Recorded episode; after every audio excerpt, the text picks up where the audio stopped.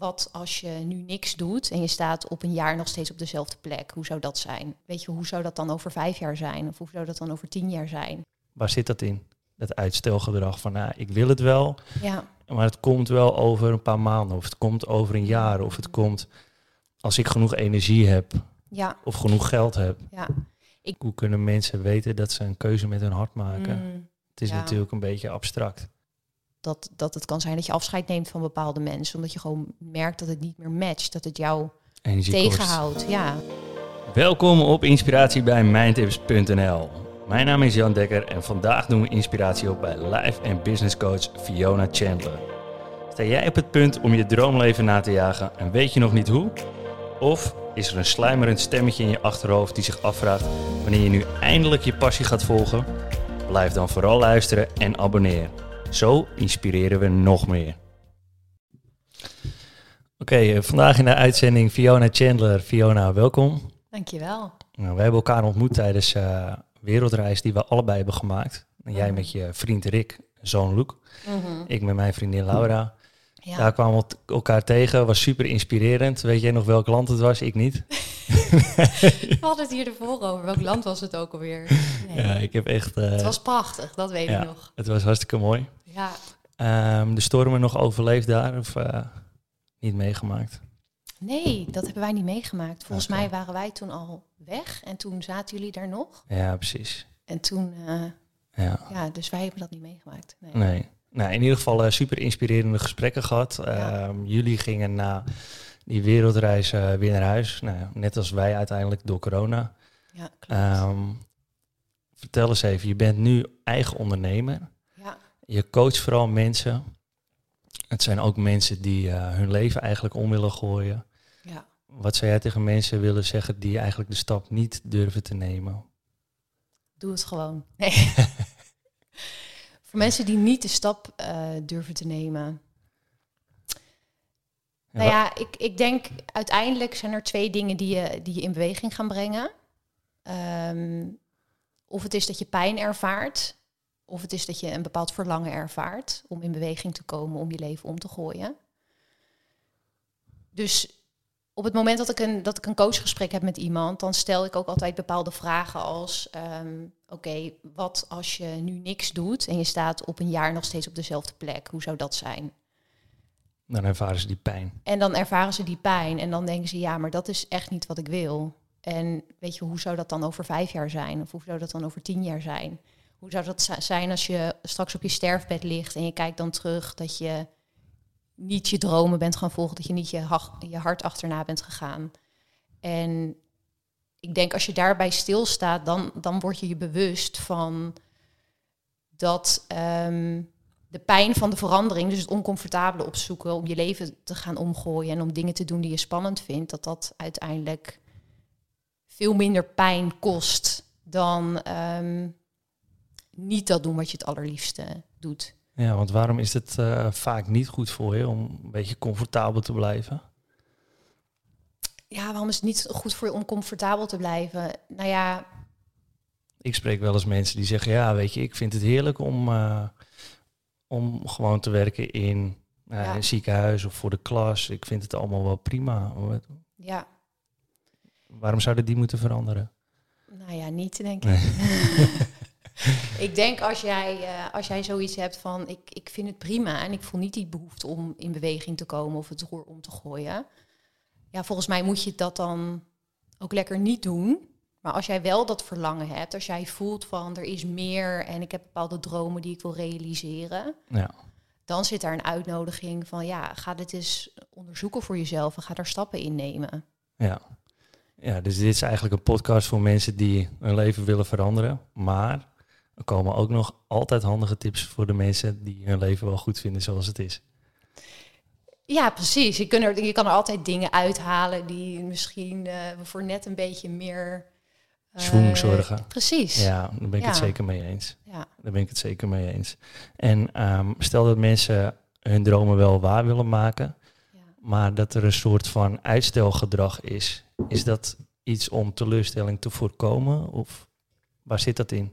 Dat uitstelgedrag van, nou, ik wil het wel, ja. maar het komt wel over een paar maanden, of het komt over een jaar, of het komt als ik genoeg energie heb Ja, of genoeg geld heb. ja.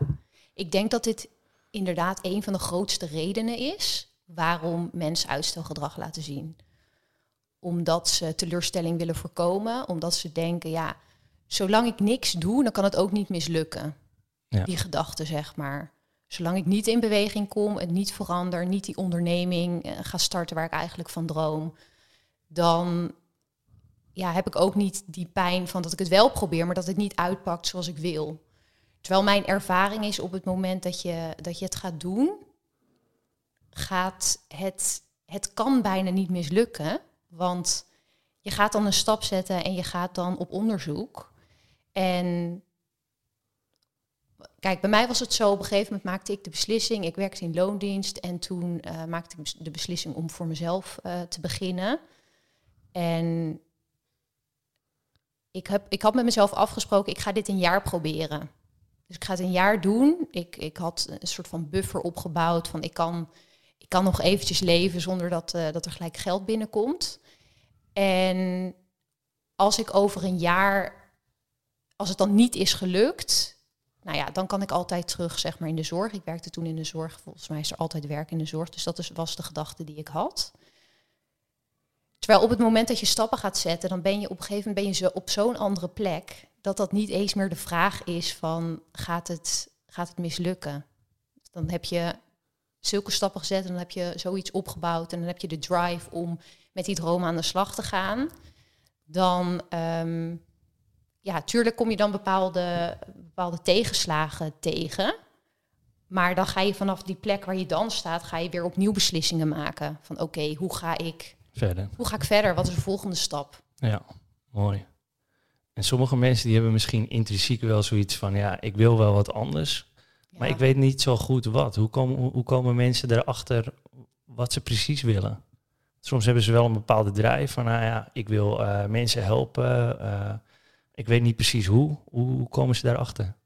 Ja, ik denk dat het al heel mooi is als je op dat punt komt dat je jezelf die vraag gaat stellen van wat wil ik nou eigenlijk?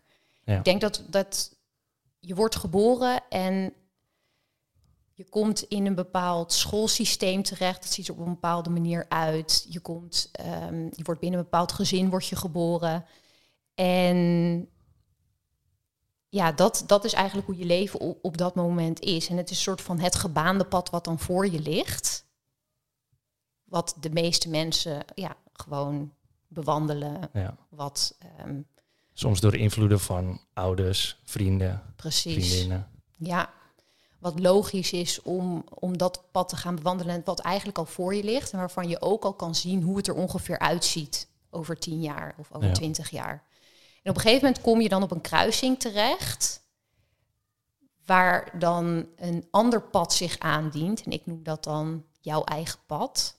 Maar dat is een pad wat een soort van overwoekerd is. Weet je wel, wat een soort van jungle-achtig pad is. En misschien moet je wel met een kapmes daar doorheen om alles ehm, ja, open te breken en daar doorheen te gaan. Maar als je uiteindelijk dat pad gaat bewandelen, dan ga je echt op avontuur. Dan ga je echt jezelf ontdekken. En uiteindelijk kom je dan op de mooiste plek en leer je het meest over jezelf en zie je de mooiste uitzichten. Maar dat is wel iets wat je moet durven doen. Want heel veel mensen blijven op dat pad wat al voor zich ligt. Ehm, nou ja, en als je op dat kruispunt komt, dan kun je dus die vraag aan jezelf gaan stellen. Ja, maar wat, wat wil ik en, en hoe ga ik dat onderzoeken voor mezelf? En om jouw vraag te beantwoorden, hoe kom je erachter wat je wil? Ik denk dat heel veel mensen op de verkeerde plek zoeken. Dat ze in hun hoofd gaan zoeken van ja, maar wat wil ik? En daarover na gaan denken, terwijl daar nooit de antwoorden zitten. Je moet echt op onderzoek uitgaan. En op het moment dat wij het hierover hebben en je luistert hiernaar, dan komt er misschien wel iets omhoog bij je waarvan je denkt ja, daar ben ik wel heel nieuwsgierig naar. Het starten van mijn eigen onderneming of de volgende stap zetten in mijn onderneming. Of ik heb een droom om een boek te schrijven. Er is nu vandaag iets, een stap die je daarin kan zetten, waarin je nog niet weet, gaat het effect hebben, gaat het me iets brengen? Een kleine stap bijvoorbeeld. Ja, maar ga inderdaad die ondernemer die je kent, ga daar eens mee in gesprek. Ja. Ga, ehm, ga gewoon wat je nu kan bedenken, een stap die je nu kan zetten, ga dat eens doen. In plaats van dat het in je hoofd blijft zitten en dat je er geen actie op neemt. In beweging komen geef je dus als advies. Ja, En dan komt er vanzelf wel een volgende stap. Precies, de dingen die je nu nieuwsgierig maken, ga dat, ga dat onderzoeken voor jezelf. En dan worden de dingen duidelijk. Dan ga je voelen en ervaren hoe dat is. Ja. En dan wordt vanzelf duidelijk van oké, wat is de volgende stap? Ja, eh, hoe heb je dat zelf ervaren? Want jij eh, wil straks ook in Spanje gaan wonen. Ja, klopt. Samen met je gezinnetje. Ik Ja. neem aan dat je dan ook best wel wat eh, ongevraagde meningen van anderen krijgt die daar iets van vinden. Hoe ga je daarmee om? Ja, goede vraag. Ja. Nou ja, ik, ik merk op zich niet dat mensen er negatief op reageren, maar wel dat mensen zeggen, oh ja, dat zou ik nooit doen. Of dat mensen bijvoorbeeld zeggen over Luke, dat is, eh, dat is ons zoontje, van ehm, ja, hoe, hoe moet dat dan met hem? Dan gaat hij naar een andere school en zo. En ik probeer het wel heel erg te zien van alles wat mensen geven, de reactie die ze geven, dat is uiteindelijk, dat zegt iets over hun en over de gedachten die, zij hebben en ja, iets over hun eigen angsten. Ja, En dat hoef ik niet, niet over te nemen. Ik kan er zelf mee bes- eh, over beslissen van oké, hoe reageer ik daarop? ja. En zo'n keuze die je dan maakt, dat je bijvoorbeeld naar Spanje wil gaan, maak jij die dan met je hart of maak je die dan met je hoofd? Wat denk je? Ik gok met je hart. Ja. Ja. En hoe, eh, hoe kan dat concreet gemaakt worden voor mensen? Hoe, hoe ziet dat er praktisch gezien uit? Hoe, hoe kunnen mensen weten dat ze een keuze met hun hart maken? Mm, Het is ja. natuurlijk een beetje abstract. ja, precies. Ja. Nee, dat is zo. Want het is, er wordt natuurlijk heel vaak gezegd van maak een keuze vanuit je hart. Ja, wat betekent dat? Ja. En wanneer weet je nou dat je hart het zegt? Ja, En ik denk dat het ook zo is van. Ik heb een keer een filmpje gezien van Oprah Winfrey, die zei daarover van eh, je hart fluistert. Hè? Dat is een heel zacht stemmetje, of je kan het ook je intuïtie noemen. ja, En je hoofd, die schreeuwt en die, die is altijd heel duidelijk van wat vindt hij ergens van. Dus op die manier is het ook moeilijk om, ja, om te horen van wat, wat je hart zegt. Maar ik denk als je, ehm, voor mij was het, eh, ik, had, ik voelde me onrustig, ik zat op mijn werk niet op mijn plek. Het was ook, nee, het was eigenlijk wat jij in het begin schetst. Het was wel prima, het was goed, Ja. ik had leuk werk, maar het was niet mijn droombaan. Het was niet fantastisch, zeg Nee. maar. Dus bij mij kwam de hele tijd dat stemmetje terug van, ja, is dit het? Weet je wel, volgens mij is er iets anders. En op een gegeven moment besloot ik daarnaar te luisteren van, oké, ik, ik heb toen eh, heb ik een gesprek met, me, met mijn leidinggevende gehad. Nou, ik, weet niet of jij een keer zo'n soort gesprek hebt gehad met je leidinggevende, maar dat is altijd, zijn van die spannende gesprekken, zeg maar. Dus ik ging daar echt eh, met klotsende oksels, en knikkende knieën ging daar naartoe. En ik, ik eh, was toen coach en ik deed ook nog andere dingen binnen opleiden. Ik ontwikkelde verschillende trainingen en zo. Maar het coachen vond ik echt fantastisch om te doen. En dat stemmetje, ja, dat kwam steeds terug. Dus dan had ik een, een leuke dag en dan dacht ik, ja, ik hoef niet naar het stemmetje te luisteren, want ik heb het toch goed. Maar het bleef maar omhoog komen. beetje sluimerend. Precies, een beetje sluimerend. En op een gegeven moment dacht ik van ja, ik moet hier echt naar luisteren. Zeker omdat ik ook, ik coachte mensen en ik was ook heel erg van, doe wat jij het liefste wil, weet je wel. Volg je dromen en wat wil je nou echt? Wie is de persoon die je wilt zijn? Dan moet Dat je ze- zelf natuurlijk wel het goede voorbeeld geven. Precies, toen Ja. dacht ik van nu wordt het echt een practice what you preach verhaal. Dat, dat ik daar zelf ook naar ga leven. Dus toen heb ik een gesprek met haar gehad. eh, en toen heb ik gevraagd van eh, is het mogelijk dat ik meer ga coachen? Dat ik wat andere taken wat minder ga doen. De- toen was ze eigenlijk heel duidelijk van nee, dat, dat kan niet. Ja. En dat was voor mij een bevestiging van oké, ehm, nu moet ik hier verder stappen in gaan zetten en voor mezelf beginnen. En op het moment dat je dat, je dat gaat doen, ik vergelijk het ook met een, een steen die een berg opduwt. Op het moment dat je niet op je plek zit en je weet het niet goed en, en je gaat de eerste stappen zetten, is een soort van moeizaam. Maar op, op een gegeven moment kom je boven op die berg. En als je dan in beweging komt, gaat die bal gaat steeds sneller rollen, weet je wel. En dan gaat het, Ja. dan gaat het stromen en dan komen er ineens de juiste mensen op je pad. En dan gebeuren gewoon bepaalde dingen waarvan je denkt van ja, zie je wel, dit klopt. Dus volgens mij is dat jouw taak. Ook als je hier naar luistert en je denkt van ja, wat is nou mijn hart en wat, wat is mijn hoofd? ga dat ook onderzoeken voor jezelf als het stemmetje steeds terugkomt. Ja, ja ik heb toevallig een, eh, een boek eh, gelezen over eh, dit soort dingen. Ja, En daarin werd uitgelegd dat je zoveel onbewust oppikt. En dat vertaalt zich uiteindelijk naar je intuïtie. En daar kom je met je verstand ja, niet echt direct bij, omdat je heel rationeel keuzes wil maken. ja, Het gebeurt daar en daarom, maar onbewust pik je ook allemaal signalen op of het goed voelt, eh, wat je hebt meegemaakt, ervaringen van eerder. ja. En dan is het toch een beetje al die onbewuste processen, eh, die maken samen een soort van optelsom. En die vertellen in je intuïtie, dit moet jij gaan doen. Ja, precies. Ja, mooi. Dus dat je toch, ja, net zoals dat je bijvoorbeeld eh, een gesprek hebt met een vriendin of een vriend tijdens een, een verjaardagsfeestje, dan denk je bijvoorbeeld dat je onbewust de gesprekken van andere mensen niet volgt. Maar wanneer je naam genoemd wordt, Ja, pik je hem ineens op. ja, precies. Dus je slaat het allemaal wel op, alleen niet bewust. ja, En dat is dus hetzelfde met je intuïtie. Er, zijn zo, er is zoveel informatie die je tot je neemt, alleen niet bewust, ja, maar dus onbewust. En dat eh, komt allemaal bij elkaar. En dat onbewuste, eh, ja, die telt alles bij elkaar op. En die vertelt jou de uitkomst in je verstand. En die zegt, jij moet dit gaan doen. ja, precies. Ja. Nou, en ik denk dat het, wat jij zegt van dat subtiele.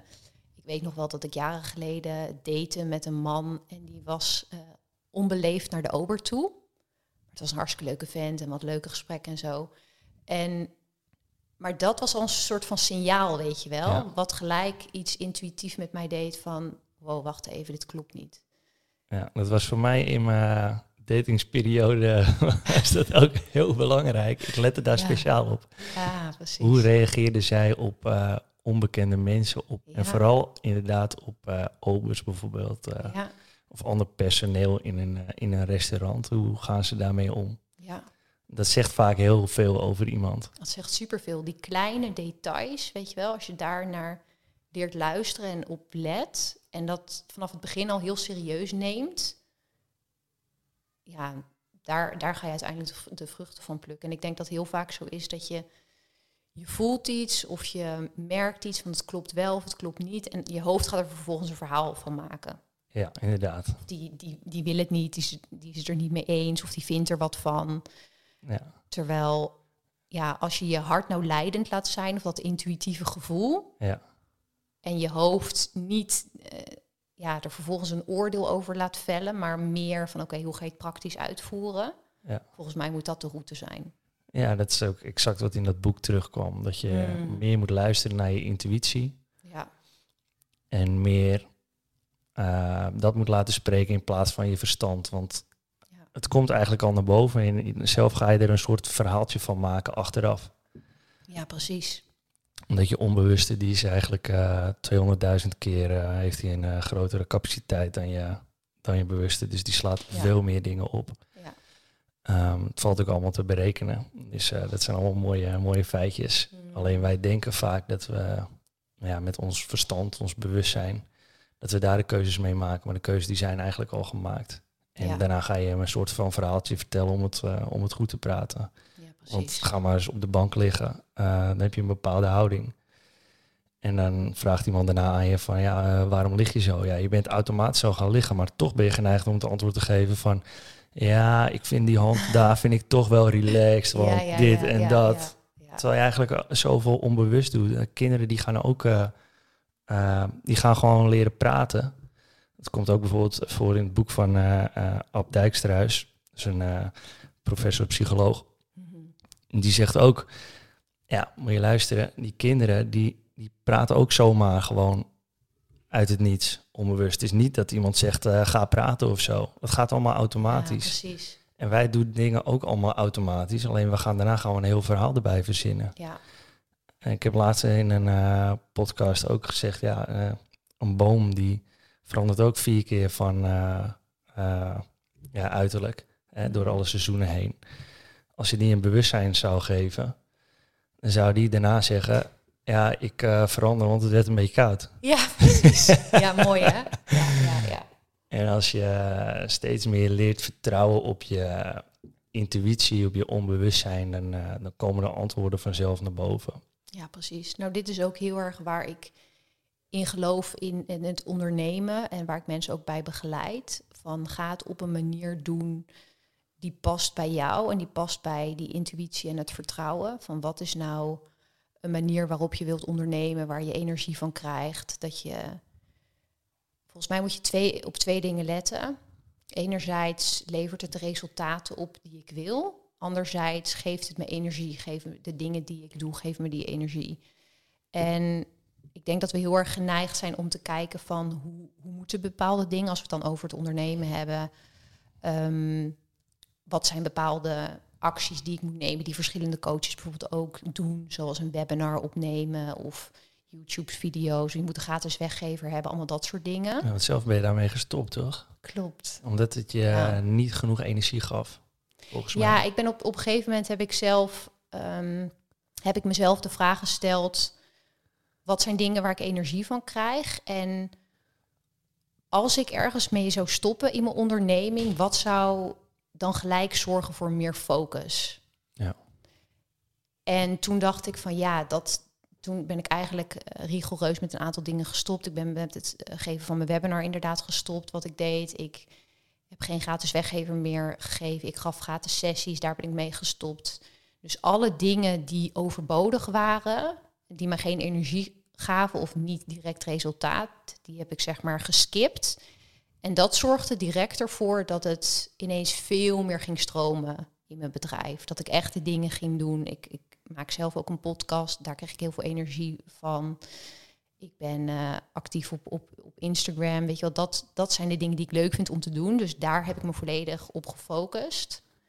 En dat ging ik dus ook merken in mijn bedrijf. Ja, dus less is more. Less is more, zeker weten. Vooral, doe vooral de dingen Ehm, ja, die, je, die je iets opleveren waar je energie van krijgt. En een kleine, kleine tussenvraag. Waarom zou je zo'n gratis weggeven van je site dan uh, afhalen? Mm. dat hoeft. Dat, dat hoeft. Was, uh, dat was het kopje thee. ja, precies. dat, hoeft niet, dat hoeft niet per se. Ik zeg niet van doe dit wel, doe dit niet.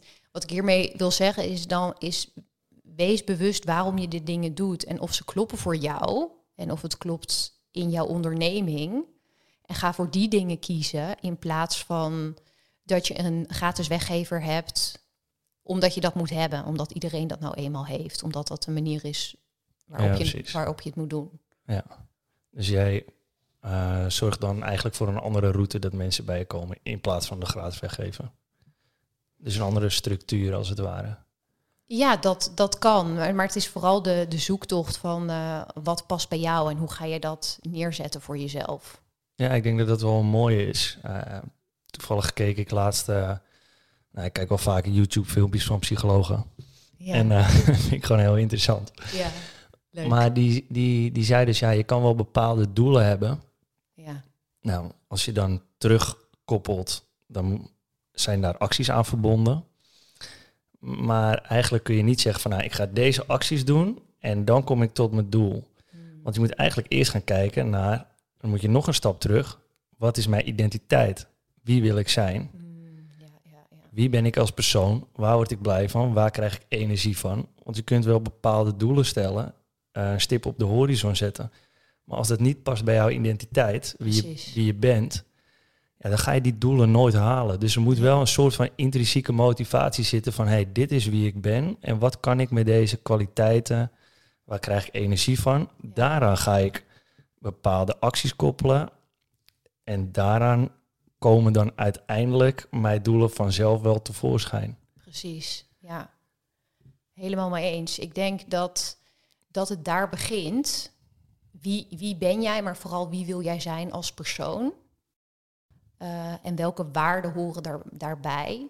En ik denk dat dat waarden kunnen zijn waar je al best wel goed in bent, maar dat er ook waarden bij zitten waar je dan je nog meer in wilt ontwikkelen.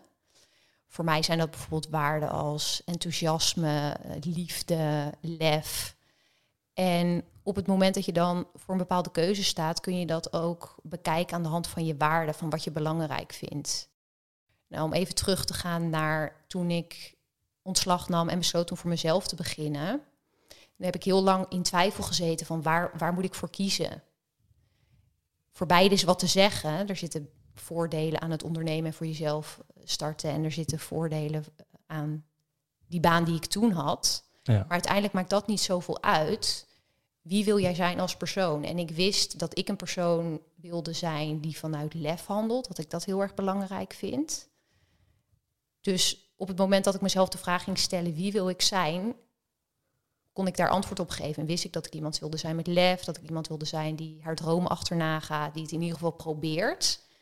En daardoor kreeg ik antwoord op die vraag. Dus het is inderdaad eerst belangrijk om te beslissen wie wil je zijn en hoe ziet dat er vervolgens uit in je onderneming. En dat het op die manier klopt met de dingen die je doet. Want dan ga je ook laten zien wie jij bent, ga je de juiste energie laten zien en daarmee ga je ook de juiste mensen aantrekken die passen bij jou.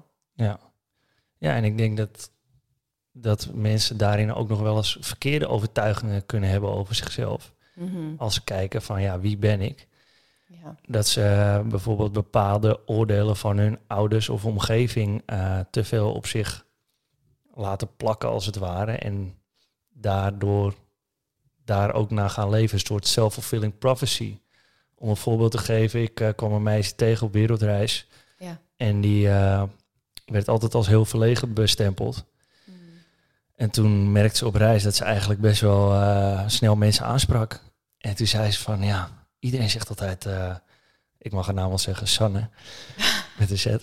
Ze zegt, Sanne, je bent heel verlegen en ja, timide, rustig. Maar ze zegt, ja, ik ontdekte op reis dat ik helemaal niet zo ben. En dat ik eigenlijk zo gehouden werd. Mm. En dat wilde ze eigenlijk, als ze terugkwam, was ze eigenlijk een beetje bang dat ze weer in die rol uh, zou worden gedrukt, waarin zij ook uh, ja, gedrukt werd door haar omgeving, als het ware. Ja.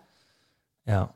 Er is zelfs een, uh, ja, een nou, het is geen wetenschappelijk experiment, een soort, hoe, hoe, hoe heet dat ook alweer?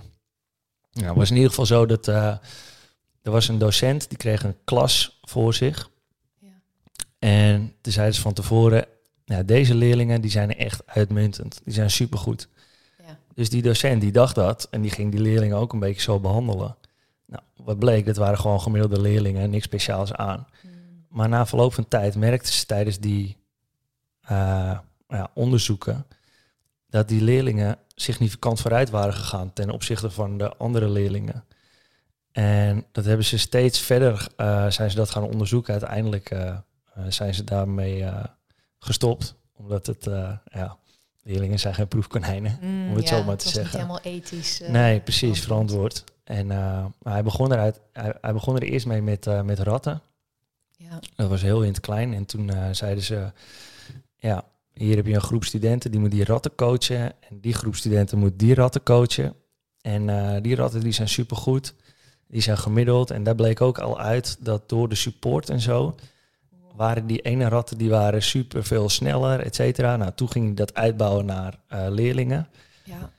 En ja, later uh, ja, werd dat ja, te controversieel om het, om het zomaar te noemen. Als je vertrouwen krijgt. Nou ja, kijk maar naar een sportteam. Als er iemand komt en je geeft hem veel vertrouwen, dan denkt hij, uh, oké, gaat goed, gaat goed. Nou ja, dan ga je met vertrouwen uh, scoren of doelpunten maken of weet ik veel wat. En als jouw coach telkens een beetje de grond in praat, ja, dan gaat je eigen waarde omlaag en dan ga je niet presteren. Dus daarin denk ik wel dat je, wat dat onderzoek ook, uh, ja, wat eruit voortkwam, is dat je omgeving gewoon echt super belangrijk is. Ja, en um, stel nou dat jij bijvoorbeeld verkeerde vrienden hebt, om het even over je omgeving uh, uh, te hebben. En, ja. en je wilt je daaraan uh, uit gaan onttrekken. Ja. Hoe zou je daarmee omgaan? Ja, wat jij zegt, je omgeving heeft natuurlijk een, een hele grote invloed op je. Um, ja, het is, het is ook wat ik, wat ik met mijn klanten wel bespreek. Van wie zijn de vijf mensen die, waar je het meest mee omgaat? En want uiteindelijk is het zo, jij bent je omgeving. Nou, dat is een heel mooi voorbeeld wat jij, wat jij net schetst. Van ehm, de, de rol die je toebedeeld krijgt, maar ook hoe is jouw omgeving? Daar ga jij, daar ga jij je naar gedragen. Dus zo'n vraag van wie zijn de vijf mensen met wie het meest omgaat, om daar eens bewust bij stil te staan van, zijn dit mensen die je energie geven of zijn het mensen die je energie kosten? En passen zij bij wat jij belangrijk vindt en wat, wat jij wilt? En als dat niet zo is, dan is er de uitnodiging om dat te gaan veranderen bij jezelf. Op het moment dat ik ging ondernemen, had ik geen ondernemersvrienden. En op zich hoeft dat niet uit te maken, maar ik merkte wel dat ik daar behoefte aan had. Dus heb ik contact opgenomen met ehm, twee vrouwen die ik toen via mijn business coach leerde kennen. Uh, om een mastermind te starten. En inmiddels zijn we echt vriendinnen geworden. En kan ik met hun dingen bespreken met, ja, die ik met andere vriendinnen of vrienden minder kan bespreken. En spreken ze dan nog wel of minder frequent? De, de oude vrienden bedoel jij? ja. Nee, nou ja, het was wel uh, tijdens de, de coronaperiode is het wel een soort van um, ja, zo'n rustige periode dat je bepaalde mensen minder ziet en zo. Ja. En uiteindelijk gaat dat dan, ja, komt dat, vindt dat dan weer zijn plek, zeg maar. En, en als jij het, als je het hebt over je identiteit, soms is het ook, um, kom je in een andere rol terecht. En zodra die rol jou beter gaat passen, is er ook weer ruimte voor mensen die misschien minder goed bij die rol passen, maar wel, waar wel weer ruimte voor is. Ja. Dat zou jij misschien ook wel nu herkennen nu je vader bent. Dat je, je neemt een andere rol in. En er zijn mensen die zich dan niet altijd in die rol herkennen of die nog geen vader zijn. Ja, klopt. En, maar zodra jij dan voelt van oké, dit is de rol die bij me past, is er ook weer meer ruimte voor als iemand die rol niet inneemt, weet je wel? Ja. Ja, en ik denk dat het ook wel uh, vanzelf gaat. Ja, spontaan. precies. En dat mensen ook wel respecteren dat je ja, wat meer tijd aan je gezin besteedt, bijvoorbeeld. Mm. Omdat, nou ja, de meesten die zelf ook kinderen hebben, uh, dat wel herkennen. Ja. Hoe waardevol die tijd is met je Ja. gezin. Ja. Maar ja, wat jij zegt over verkeerde vrienden of niet de juiste mensen om je heen. Ja, ik denk dat het soms heel goed is om daar, om daar wel echt ehm, keuzes in te maken. Dat, dat het kan zijn dat je afscheid neemt van bepaalde mensen, omdat je gewoon merkt dat het niet meer matcht, dat het jou Energie kost. tegenhoudt. Ja, Ja. ja, inderdaad. Dat het meer energie kost dan dat het je oplevert. ja Dat je precies. een soort van balans moet gaan maken. Ja, en niet iedereen hoeft hetzelfde te zijn, maar wat voor impact heeft, ehm, heeft het op je? Weet je wel, als jij iemand eh, om je heen hebt die heel veel klaagt of heel negatief is Ja, en jij wil dat niet meer in je leven, ja, dan is de, de beste keuze is dan om dat, die relatie te verbreken. ja. En ehm, over eh, energie eh, gesproken te hebben. In je podcast eh, spreek je ook over het hebben van ongezonde gewoontes. Nou, die kunnen je ook Mhm. wel wat energie opleveren of juist ja, ontnemen. Ja. Hoe, hoe ga je om met ongezonde gewoontes? Hoe ga je die veranderen? Nou, het is wel grappig. Ik had ehm, vorige week had, ik een gesprek met een klant en zij vertelde dat ze eigenlijk altijd met eten struggelde. Eh, met eh, dat ze ongezond at en dat ze dat wilde veranderen. En dat dat nu iets is wat de laatste tijd heel goed gaat. Dat ze daar eigenlijk geen moeite voor hoeft te doen. En ik denk dat het komt omdat ze nu heel veel keuzes aan het maken is in haar leven op verschillende gebieden. Dat die dus automatisch ook daar invloed op hebben. En volgens mij als je een ongezonde gewoonte hebt, je rookt of je eet ongezond en je besluit daarmee te stoppen, is dat heel moeilijk om dat voor te zetten, omdat er verder nog niks is veranderd Ja. in jou en in je omgeving. Dus dan ga je daar naartoe teruggrijpen. Ja. Pas als jij echt op een dieper level gaat veranderen en de dingen anders gaat doen, dan gaan die ongezonde gewoontes zeg maar Mee. mee daarin. Ja. Dus het is. ehm, ik deelde daar ook een tijdje geleden deelde ik daar een post over op, ehm, op Instagram. Dat eh, toen ik in mijn werk niet op mijn, op mijn plek zat, Ehm, dan had ik een avonddienst gedraaid in de zorg. En dan daarna ging ik, reed ik altijd naar het tankstation om een Snickers te kopen. Ah, ja, ja. En eh, eerst zei ik tegen mezelf van, oh, dat is niet erg. Ik heb er zin in. Ik heb hard gewerkt, weet je wel. En vond ik dat, vond ik dat prima om te doen. Totdat ik merkte dat ik onrustig werd als ik die Snickers niet haalde. En dat was voor mij eigenlijk een signaal, hoe, hoe klein die Snickers ook is, dat het een soort van compensatiegedrag was. Kunnen mensen dit als een metafoor zien voor bijvoorbeeld een peuk of een drankje na een harde dag werken? Precies. Oké. Ja, ik denk dat je elke ongezonde gewoonte ermee kan vergelijken. Dat waar het uiteindelijk gaat is wat, wat ligt eronder dat jij dat ongezonde gedrag laat zien? Wat moet je daarmee compenseren of welke onrust ligt eronder? Ja. En, en durf, je, durf je daar naar te kijken? Voor mij was het een signaal van ik ben er niet op de goede plek. En ik moet er andere keuzes in maken voor mezelf. En op dat moment, ehm, toen ik dat doorhad en zag aan mezelf, kon ik mezelf de vraag stellen: Oké, ben, je, ben je nu hier omdat het makkelijk is of omdat je vanuit volle overtuiging hier wil zijn? Ja. En het antwoord was eigenlijk het, het eerste. Dus dat- daardoor wist ik dat ik een andere keuze voor mezelf moest maken. Ja, ik denk dat veel mensen zich hierin wel herkennen, want ik, eh, ik hoor het ook regelmatig eh, om me heen. Dat mensen na een, eh, een werkweek toch zoiets hebben van, ah, ik heb het verdiend, ik moet ontstressen, Ja, ik moet bier drinken, ik moet eh, eh, alcohol drinken, ik moet roken, ik moet dit om te ontstressen. ja. Dan denk ik, ja, heb je, de, heb je eigenlijk wel de goede baan? Mm.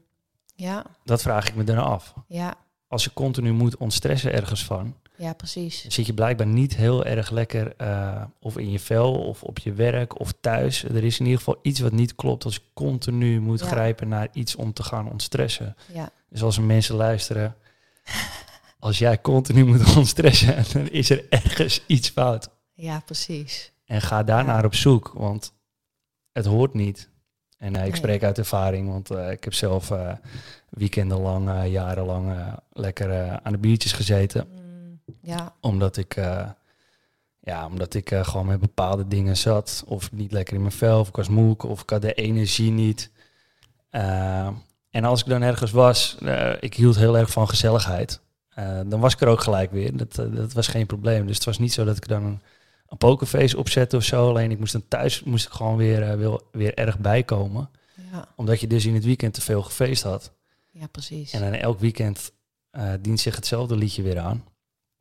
En na een tijdje ga je, ga je kijken naar je eigen gedrag. Wat wil je nou? Nou, nu merk ik dat ik totaal geen reden meer heb om, eh, om te ontstressen. Omdat ik gewoon super lekker in mijn vel zit. Ja, Dus ik zeg niet dat ik nooit meer drink. Maar ik drink nu gewoon heel vaak een, eh een Heineken 0.0'tje. ja, Want het is vaak bij mij de, ja, de omgeving die het al gezellig maakt.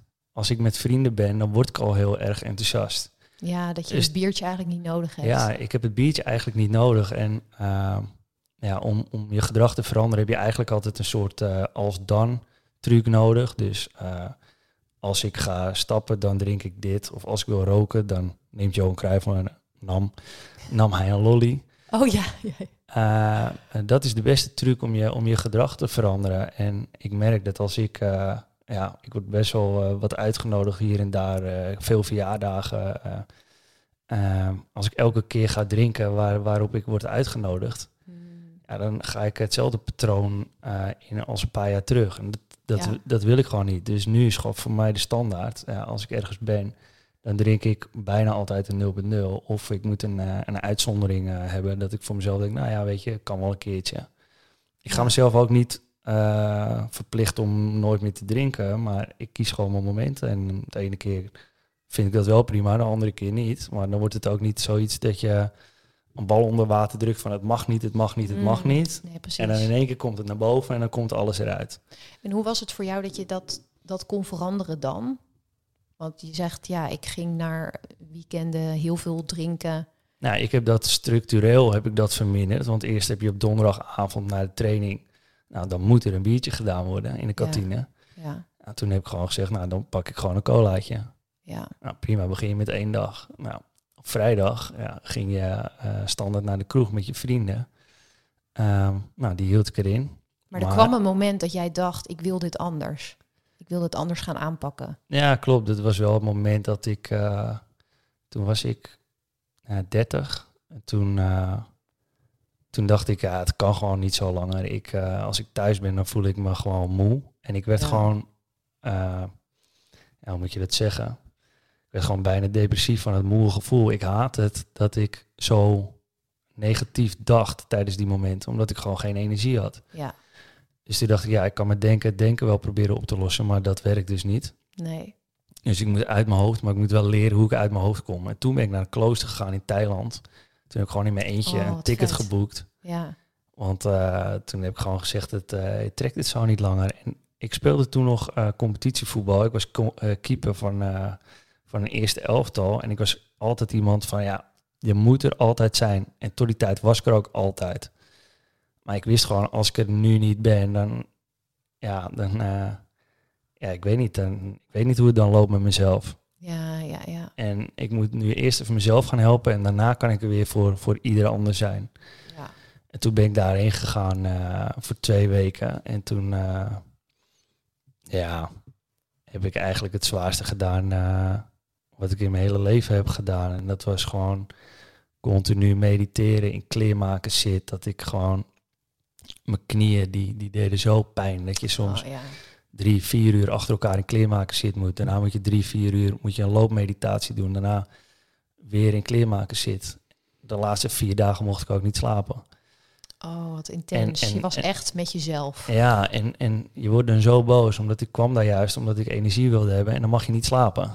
Ja. Dus ik werd daar heel boos. En dat moet je dan weer leren controleren. Ja, En de laatste dag eh, liep ik de fluit het uit. Toen zei ik tegen die eh oppermonnik, om het zo maar even te noemen. "Oh, ik mag vannacht weer niet slapen. Prima man, geen probleem. Joh. ja, ja. En, je ging eh, zo diep, dan, je ging ja. er echt doorheen, zeg maar. Ja, ik ging er echt dwars doorheen. En Ja. eh, ja, daarna heeft het me best wel, best wel geholpen om, om mijn gedachten niet zo serieus te nemen. Want je gedachten komen eigenlijk alleen maar in je op. Want als jij je gedachten kon kiezen, dan was je de hele dag wel blij geweest. Ja, En ik denk dat dat voor heel veel mensen een eye-opener kan zijn. Dat ze hun gedachten niet kiezen. Maar ja, probeer gewoon te kijken hoe je ermee omgaat. ja, een gedachte komt in je op. Nou, je kunt je of erin vastbijten. Over bijvoorbeeld eh, toekomstige scenario's wat fout kan gaan. Over bepaalde angsten. Dat je denkt van ja, dit kan gebeuren, dat kan gebeuren. Of je kan bij die eerste gedachte denken. Hé, hey, is bullshit, want het is ook een keer goed gegaan. ja, precies. En je gaat weer verder. Dus of je hebt een split second.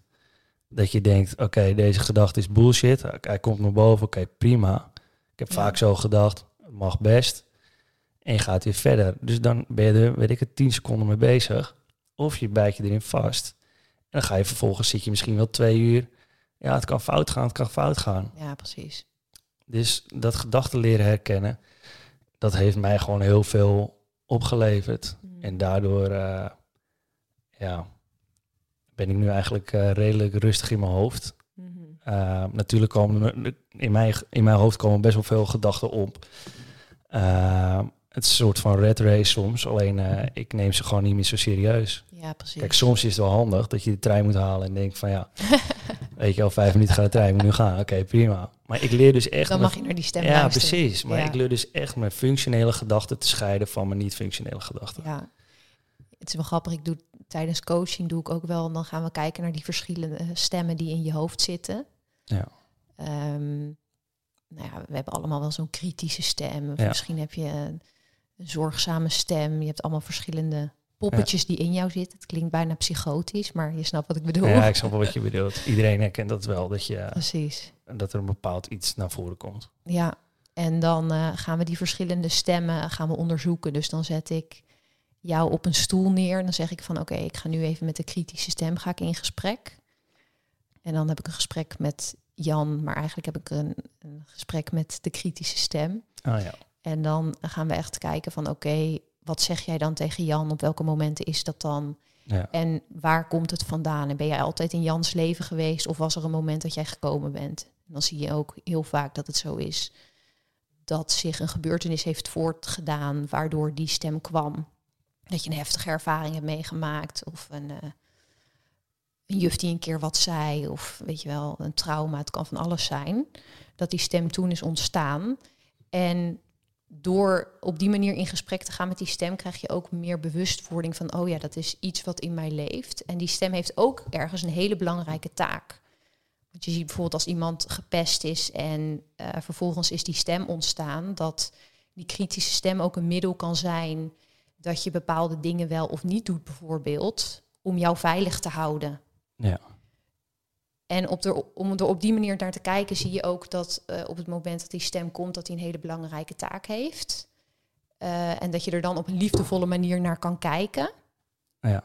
In plaats van, nou ja, jij bedoelde net als voorbeeld van de bal onder water duwen die dan ineens uh, naar boven komt. Dus dan is het niet dat je de stem probeert weg te duwen of te negeren. Maar dat je er ruimte voor maakt, maar dat jij zelf als Jan de beslissing neemt. Hoe reageer ik hierop en wat doe ik? Ja. En hoe, hoe kan je anders tegen jezelf praten dan? Nou, ik denk niet dat het per se gaat over anders naar jezelf praten, maar dat je die stemmen ziet voor wie ze zijn, dat ze in jouw leven. En dat jij zelf de regie hebt om daarop te reageren hoe je wilt reageren. Ja. Dus als je een bus voor je ziet en al die stemmen of al die soort van subpersonen zitten in die bus, jij zit nog altijd achter het roer. Ja. Achter het stuur, ja. Achter het stuur, precies. Ja. We hebben het over een bus, niet een boot. en um, dat je dus horen, mag horen wat ze te zeggen hebben. En dat je dus weet dat ze een belangrijke taak hebben. Maar dat jij uiteindelijk bepaalt wat doe je wel of niet. Ja, dan komen we op de vraag, wie ben jij eigenlijk? Ja, oh, we gaan de diepte in. ja, daar heb ik het met Jan Geurts uh, podcast uh, over gehad. Dat is echt uh, aanradertje overigens. Ja. Maar uh, wie ben jij? Ja, da dan moet je daarna, daar naartoe. Want ja, die, die wie, wie je bent, ja, die, als je die gaat zoeken, die, die zit nergens. Nee, precies. Dus nou ja, het, het, is meer de... Uh, je bent eigenlijk een soort van waarnemer van je gedachten. Dus ja. je moet proberen te leren met een afstandje naar je ja. gedachten te kijken. Ja, precies. Nou ja, en wij hebben, we hadden het net natuurlijk over die identiteiten hè, en over wie wil je zijn. En ik denk ja. dat dat hele belangrijke vragen zijn om aan jezelf te stellen om, en om vanuit die plek keuzes te maken.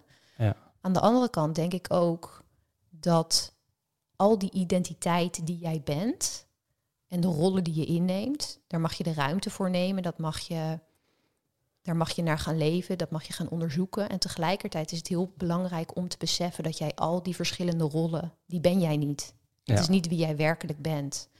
En als je die twee waarheden gaat omarmen, van je bent al die rollen en tegelijkertijd ben je ze niet, ja. dat geeft denk ik ongelooflijk veel vrijheid. Want dan hecht je er ook niet te veel waarde aan, weet je wel. Als ik zeg, ik ben een ondernemer, het is niet wie ik ben, het is wat ik doe. Ja, want stel dat het dan bijvoorbeeld fout gaat, dan, Precies. dan is het heel persoonlijk op je identiteit. Precies. Jij bent fout. Ik heb gefaald. Precies. Mijn bedrijf is failliet gegaan. Ja. En dan heeft dat zoveel impact op mij. In plaats van dat ik er gewoon naar kan kijken van dit is er wat er gebeurd is. Ja. En ik ga nu opnieuw keuzes maken. En het is niet wie ik ben. Het zegt niks over mij, zeg maar. Um, over je identiteit gesproken. Ja. Die zou je misschien kunnen ja, ontwikkelen door bijvoorbeeld uh, persoonlijke ontwikkeling daarin te gaan investeren. Mm -hmm. Raad je dat mensen aan? Wij zouden allebei zeggen ja. ja. Als we kijken naar de, de weekenden vroeger en de weekenden nu. Uh, om even op jouw uh, verhaal weer, weer aan te haken. Nee, ja, ik, ik denk zelf dat het um, de, mooiste ontdekkingstocht is die je, die je aan kan gaan. Dat je, dat je gaat onderzoeken wat zijn je patronen, wat houd je tegen, wat zijn je gedachten. Om, om, um, om daarin te investeren en te, en te groeien als mens. Dat het ook weer invloed heeft op, op alle, alle gebieden in je leven. Ja, zeker ook, ook op je uh, omgeving, denk ik. Ook op je omgeving, ja. Natuurlijk, als jij vrijkomt van uh, bepaalde patronen en bepaalde negativiteit, dan kan je ook een positief effect hebben op het leven van een ander. Ja, op je gezin bijvoorbeeld. Ja, precies. Ja, dat is het nogal waard. Ja, ja, je bent een family man nu. Ja, zeker weten. Ja. Hey, um, Fiona, waar zouden de mensen jou, uh, jou kunnen volgen? En heb je nog een eh, laatste tip voor mensen die misschien op een punt zijn beland in, het, eh, in hun leven dat ze denken van ik ga het roer omgooien? Ja. Waar kunnen ze mij vinden? Eh, je kan me vinden op Instagram, best case scenario. En ehm, mijn site is bestcasescenario.info. Wat is mijn tip voor als je het, als je het roer wil omgooien? Ja, het is, zo, het is een algemene vraag, maar neem die, neem die eerste stap. Weet je wel, neem jezelf serieus. Wat het, wat het over je intuïtie en over je hart volgen als jij dit luistert. En het feit dat Jan dit zegt en het raakt iets in jou, ga er iets mee doen. Ja. Stuur me een berichtje.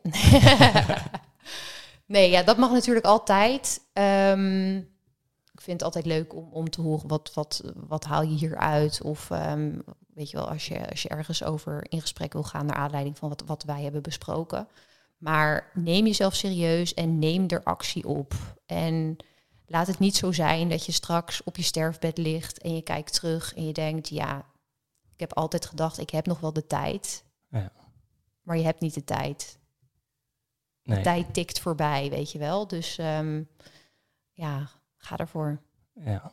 Ik denk dat dat een, eh, een mooi einde is van deze podcast.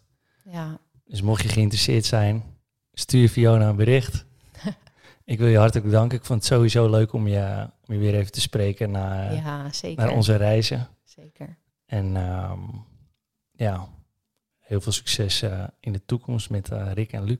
Ja, dankjewel. Jij ook. En bedankt. Leuk gesprek. Dankjewel. Tof dat je mee op inspiratie was en top als je deze podcast liked, deelt of op gaat abonneren. Zo kunnen we namelijk nog meer mensen inspireren. Ga voor persoonlijke coaching of een lezing voor jouw bedrijf naar mijntips.nl en hopelijk tot de volgende.